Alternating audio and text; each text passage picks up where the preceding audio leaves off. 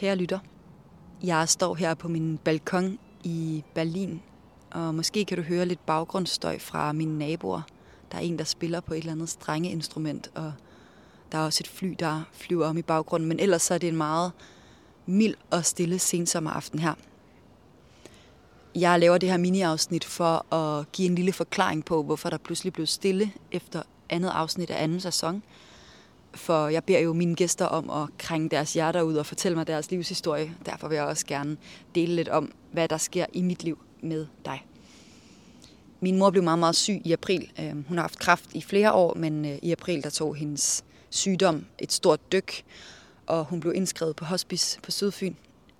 Og øh, jeg smed alt, hvad jeg havde i hænderne, uden særlig meget andet forklaring end til den café, jeg arbejder på, om at de ikke ville se mig på ubestemt tid, og tog til Danmark for at være sammen med hende, indtil hun døde i juni.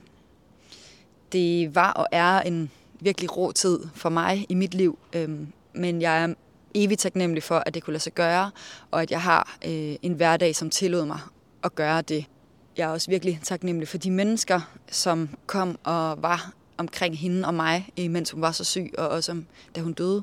Og, øhm, og den her sommer har jeg tumlet rigtig meget med meget store spørgsmål om, hvor jeg bør være henne, og hvor min fremtid øh, skal være henne, hvor, øh, hvor der er mest lykke at finde, og, øh, og hvad jeg egentlig laver i Berlin. Øh, navnligt på grund af de sindssygt dejlige mennesker, øh, som er i Danmark. Øh, man kan sige, at det er jo lidt spøjst at, at tænke endnu mere på at tage hjem til Danmark, nu hvor min mor ikke er der. Men jeg tror, at jeg øh, lige nu har ekstra meget behov og lyst til at være tæt på, på min nærmeste og på min familie og selvvalgt familie.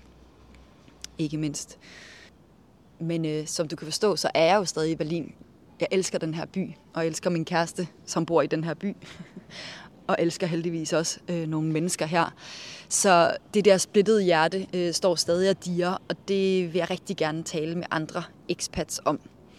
Derfor så vil jeg gerne opfordre dig til, at hvis du har gået igennem noget lignende, eller måske ikke lignende, men en anden form for krise eller livsomvæltning i forbindelse med dit udlandsliv, måske er du rejst tilbage til Danmark på grund af det, måske er du rejst væk fra Danmark på grund af det, måske har du lagt dit liv om, eller bare fået nogle helt nye perspektiver, øh, så vil jeg rigtig, rigtig gerne høre fra dig. Så kan det være, at du kan blive en af mine næste gæster. Vi skal ikke kun lave, lave sørgelig øh, øh, dødsradio. øhm, heldigvis. Så, øh, så min næste gæst her, som jeg lægger op øh, samtidig med, at jeg lægger det her mini-afsnit ud. Et godt eksempel på, at man kan grine sig igennem øh, rigtig, rigtig meget øh, af den slags rå snakke øh, om store kriser i livet. Jeg glæder mig rigtig meget til at præsentere hende, og jeg glæder mig rigtig, rigtig meget til at høre fra dig, hvis du har lyst til at give dit besøg med.